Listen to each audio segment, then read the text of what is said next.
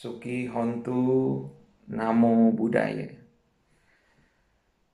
Adik-adik yang berbahagia, hari ini saya akan berbagi mengenai Indonesia 100%, Buddhis 100%.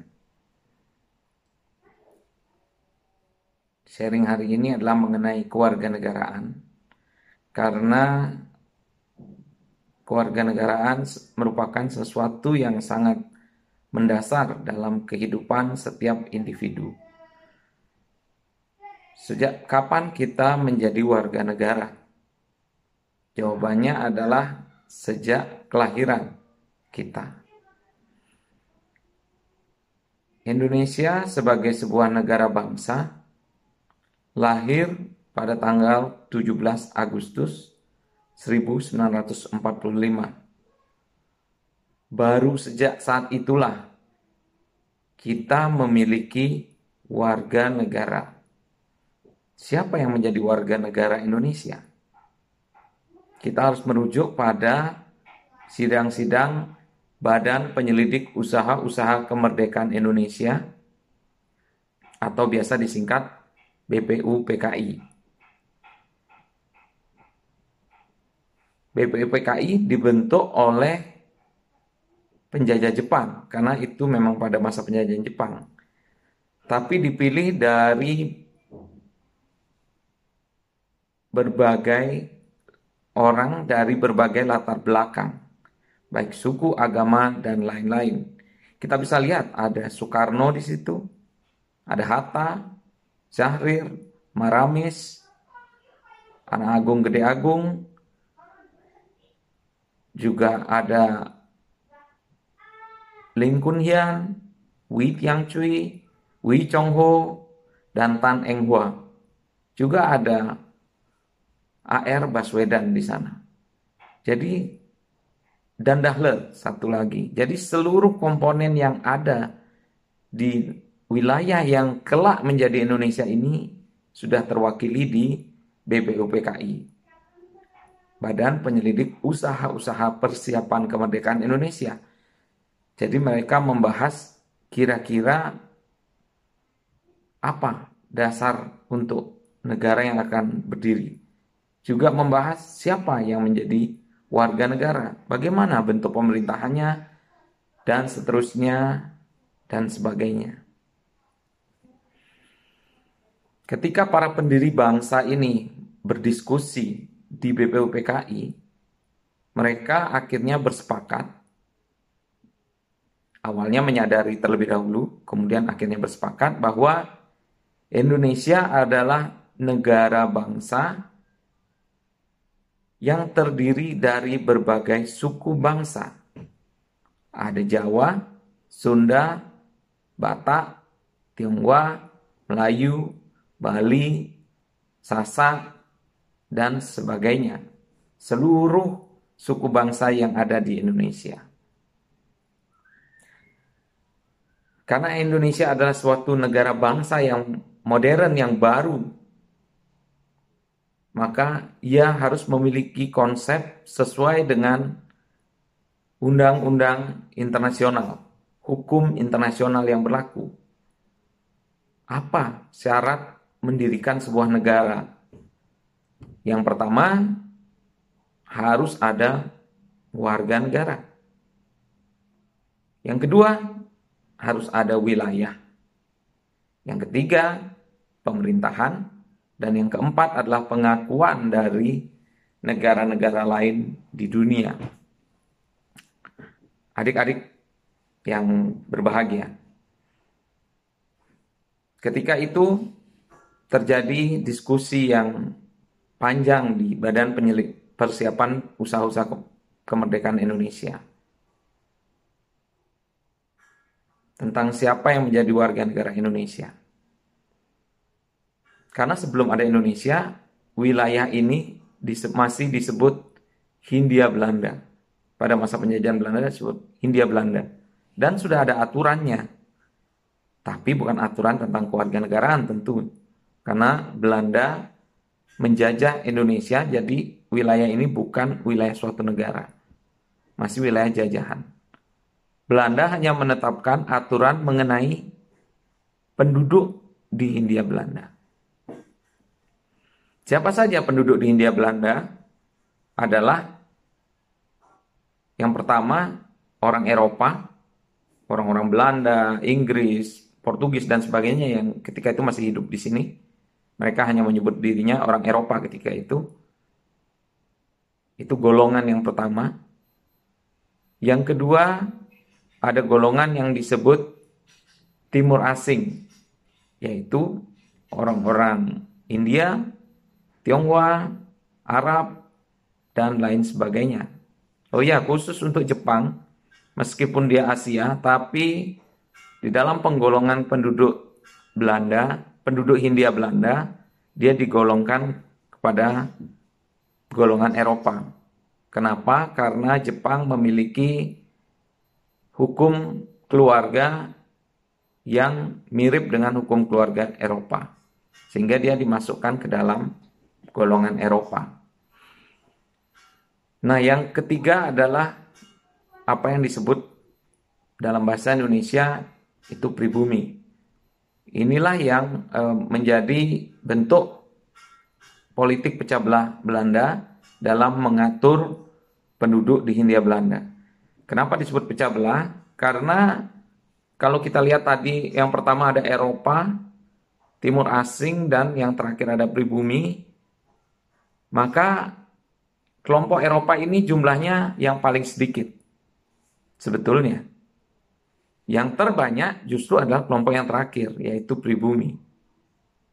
Dan ada kelompok yang di tengah-tengah, yaitu Timur Asing, khususnya Tionghoa. Ini yang sering dimanfaatkan oleh Belanda sebagai komunitas buffer, buffer, komunitas antara yang menjadi bumper apabila terjadi ancaman terhadap komunitas yang pertama. Nah ini realitas yang terjadi sebelum ada Indonesia. Lalu bagaimana setelah lahirnya Indonesia? Kewarganegaraan segera ditetapkan setelah Indonesia memproklamirkan kemerdekaannya pada tanggal 17 Agustus 1945. Setelah proklamasi, undang-undang dibuat 18 Agustus 1945 dan kemudian lahir juga undang-undang kewarganegaraan yang pertama yaitu Undang-Undang Nomor 3 tahun 1946 yang menuangkan hasil dari Badan Persiapan Penyelidik Usaha-usaha Persiapan Kemerdekaan Indonesia BPUPKI terkait warga negara dituangkan ke dalam undang-undang kewarganegaraan yang pertama. Siapa yang menjadi warga negara Indonesia pada saat itu? Yang pertama. Warga negara Indonesia yang pertama adalah orang-orang Indonesia asli dan orang-orang bangsa lain yang ditetapkan melalui undang-undang. Tapi jangan salah, ketika kita mendengar kata asli seolah-olah uh, ada dikotomi pribumi non pribumi. Tapi di dalam Undang-Undang Nomor 3 tahun 46 itu sangat jelas sebetulnya siapa yang dimaksud dengan orang Indonesia asli. Orang Indonesia asli yang dimaksud di sini adalah orang yang sudah lahir dan bertempat kedudukan atau bertempat tinggal di wilayah yang kemudian menjadi Indonesia ini paling sedikit lima tahun sebelum proklamasi. Jadi orang-orang yang sudah lahir tahun 17 Agustus 1950 atau sudah bertempat tinggal sejak saat itu malah bahkan apalagi yang sebelumnya itu adalah termasuk warga negara Indonesia asli. Jadi siapa? Ya semua. Semua nenek moyang kita adalah Indonesia asli dan sampai sekarang pun sebenarnya pengertian Indonesia asli itu sudah kembali lagi seperti pada masa awal. Sempat terjadi perubahan di tengah-tengah, tapi saat ini pengertian Indonesia asli sudah kembali kepada posisi yang semula. Kalau kita bicara Indonesia asli dengan undang-undang kewarganegaraan yang baru yang sekarang berlaku, Undang-Undang Nomor 12 tahun 2006, itu orang Indonesia asli diterjemahkan sebagai diartikan sebagai orang-orang yang lahir dan bertempat tinggal di Indonesia. Dan sejak kelahirannya itu tidak pernah menerima kewarganegaraan lain atas kehendak sendiri. Nah, ini yang sempat menjadi persoalan pada masa lalu, pada masa Orde Baru. Pada masa Orde Baru, orang-orang Tionghoa seolah-olah dianggap bukan orang Indonesia asli. Ini adalah bentuk prejudice atau bentuk prasangka yang sudah tertanam sejak masa penjajahan dan diteruskan oleh penguasa Orde Baru ketika itu. Nah, padahal dari semula sudah jelas ketika Indonesia dibentuk 17 Agustus 1945, para pendirinya adalah orang dari berbagai latar belakang, suku, agama, dan sebagainya.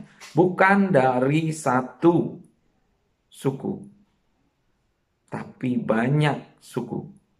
Termasuk di dalamnya adalah orang Tionghoa, orang India, orang turunan Eropa. Jadi tidak ada alasan menyatakan Indonesia hanya milik salah satu golongan. Adik-adik yang berbahagia, kita semua di sini umat Buddha, mungkin ada umat Buddha yang berasal da da dari berbagai macam suku juga. Ada umat Buddha yang sukunya Jawa, umat Buddha yang sukunya Sunda, umat Buddha yang sukunya Sasak, umat Buddha yang sukunya Dayak, sukunya Bali, dan seterusnya termasuk yang Tionghoa. Seluruhnya adalah warga negara Indonesia. Karena dari awal negara ini didirikan oleh semua, untuk semua.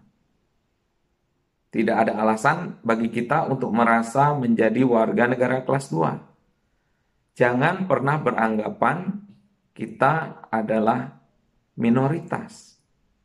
Tidak ada istilah mayoritas maupun minoritas dalam konteks keluarga negaraan. Karena konstitusi konstitusi kita, Undang-Undang Dasar 1945 itu menjamin bahwa setiap warga negara bersamaan kedudukannya di dalam hukum dan pemerintahan. Jadi adik-adik semua memiliki kedudukan yang sama di mata hukum dan pemerintahan. Tidak ada kecuali.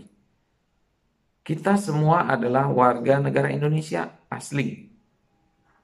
Lalu kalau muncul pertanyaan siapa yang tidak asli, sebetulnya tidak ada yang tidak asli, tapi yang ada adalah warga negara asing yang menjadi warga negara Indonesia melalui naturalisasi.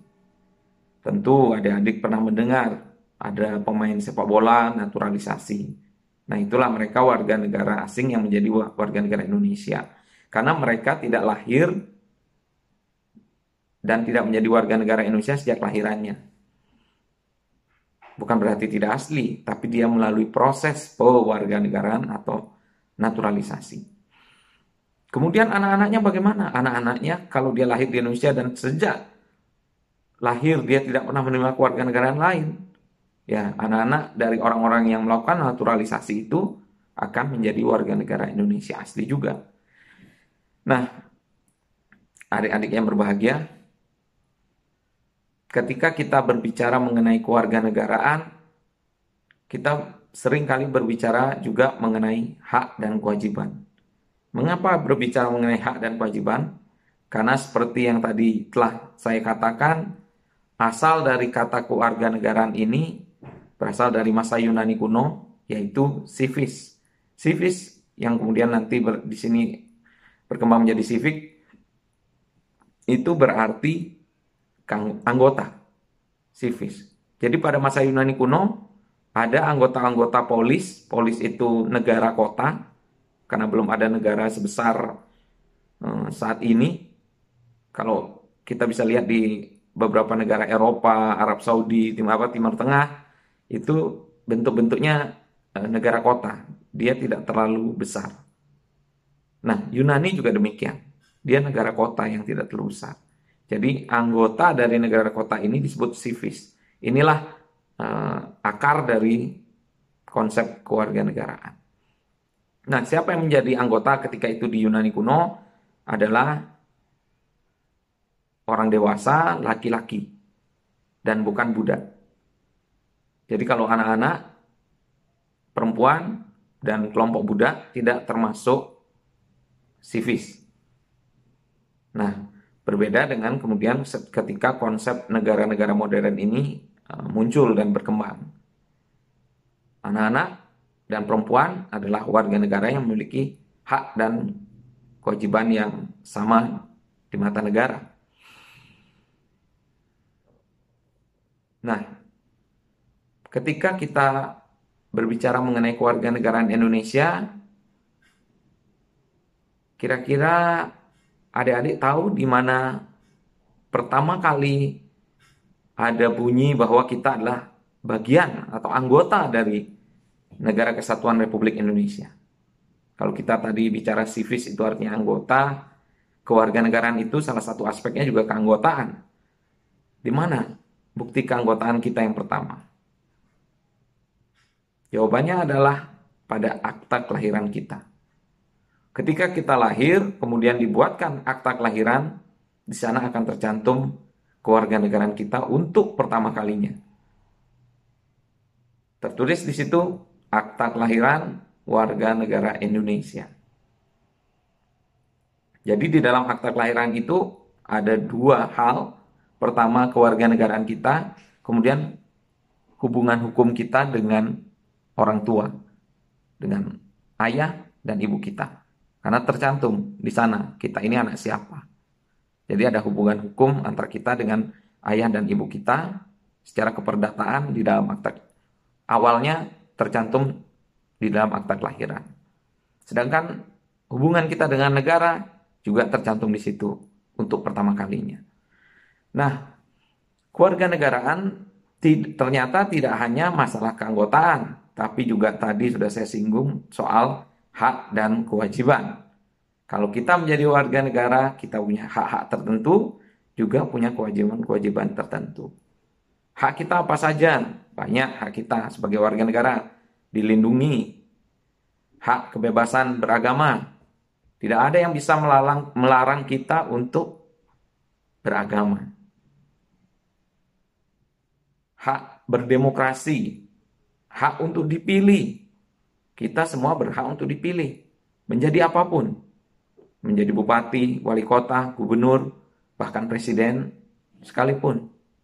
Kita semua berhak karena kedudukannya adalah sama dan setara di mata hukum dan pemerintahan. Jadi jangan sampai kita memiliki pandangan yang salah mengenai diri kita dalam hubungannya dengan negara. Karena berbagai informasi-informasi yang salah yang beredar. Kita harus jelas bahwa kita adalah warga negara, kedudukan kita adalah sama dan setara di mata hukum dan pemerintahan. Adik-adik harus penuh percaya diri, harus yakin bahwa adik-adik adalah warga negara Indonesia dan posisinya sama dan setara dengan semua warga negara Indonesia lainnya.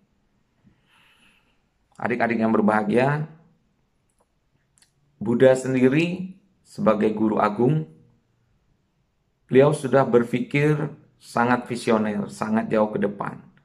Pada saat beliau ditanya oleh murid-muridnya tentang menyebarkan agama Buddha, beliau berpesan agar Dharma ini disebarkan dengan bahasa masing-masing. Ini menunjukkan apa? Ini menunjukkan Buddha adalah seseorang yang sangat sadar. Ya tentu artinya Buddha aja sadar ya. Sadar bahwa Dharma ini akan lebih mudah dimengerti oleh semua lapisan apabila Dharma ini disampaikan menggunakan bahasa masing-masing. Coba dibayangkan kalau Dharma ini harus disampaikan dengan bahasa tertentu. Misal bahasa Pali, keseluruhan dari Ceramah saya ini misalnya dalam bahasa Pali tentu tidak akan mudah dimengerti. Atau dalam bahasa Sanskerta, atau dalam bahasa lainnya. Tapi kita diberikan kebebasan oleh Buddha untuk menggunakan bahasa masing-masing. Jadi dari sini kita bisa paham bahwa awalnya kita harus menyadari posisi diri kita ini adalah warga negara dulu, baru agama. Jadi kalau kita bicara hari ini, kalau saya mau beri judul sharing hari ini, judulnya adalah Indonesia 100%, Buddhis 100%. Kenapa Indonesianya di depan? Ya karena itu tadi. Ketika kita awalnya lahir, kita adalah yang pasti anggota dari Negara Kesatuan Republik Indonesia dulu. Warga negara Indonesia dulu yang kemudian beragama Buddha tidak bisa dibalik. Dan jelas pesan Buddha betapa Buddha menghargai setiap bangsa. Setiap kalau bahasa sekarang setiap keluarga negaraan. Sehingga dharma ini dapat berkembang dengan baik di seluruh belahan dunia. Kita bisa lihat hari ini dharma berkembang di Eropa, di, hingga di Afrika tanpa merusak budaya setempat. Dia berkembang dengan bahasanya masing-masing dan dengan dan hidup harmonis dengan adat istiadat serta budaya masing-masing. Inilah indahnya Dharma yang disebut indah di awal, indah di tengah, dan indah pada akhirnya. Demikian sharing saya hari ini mengenai keluarga negaraan. Semoga bermanfaat. Suki Hontu, Namo Buddhaya.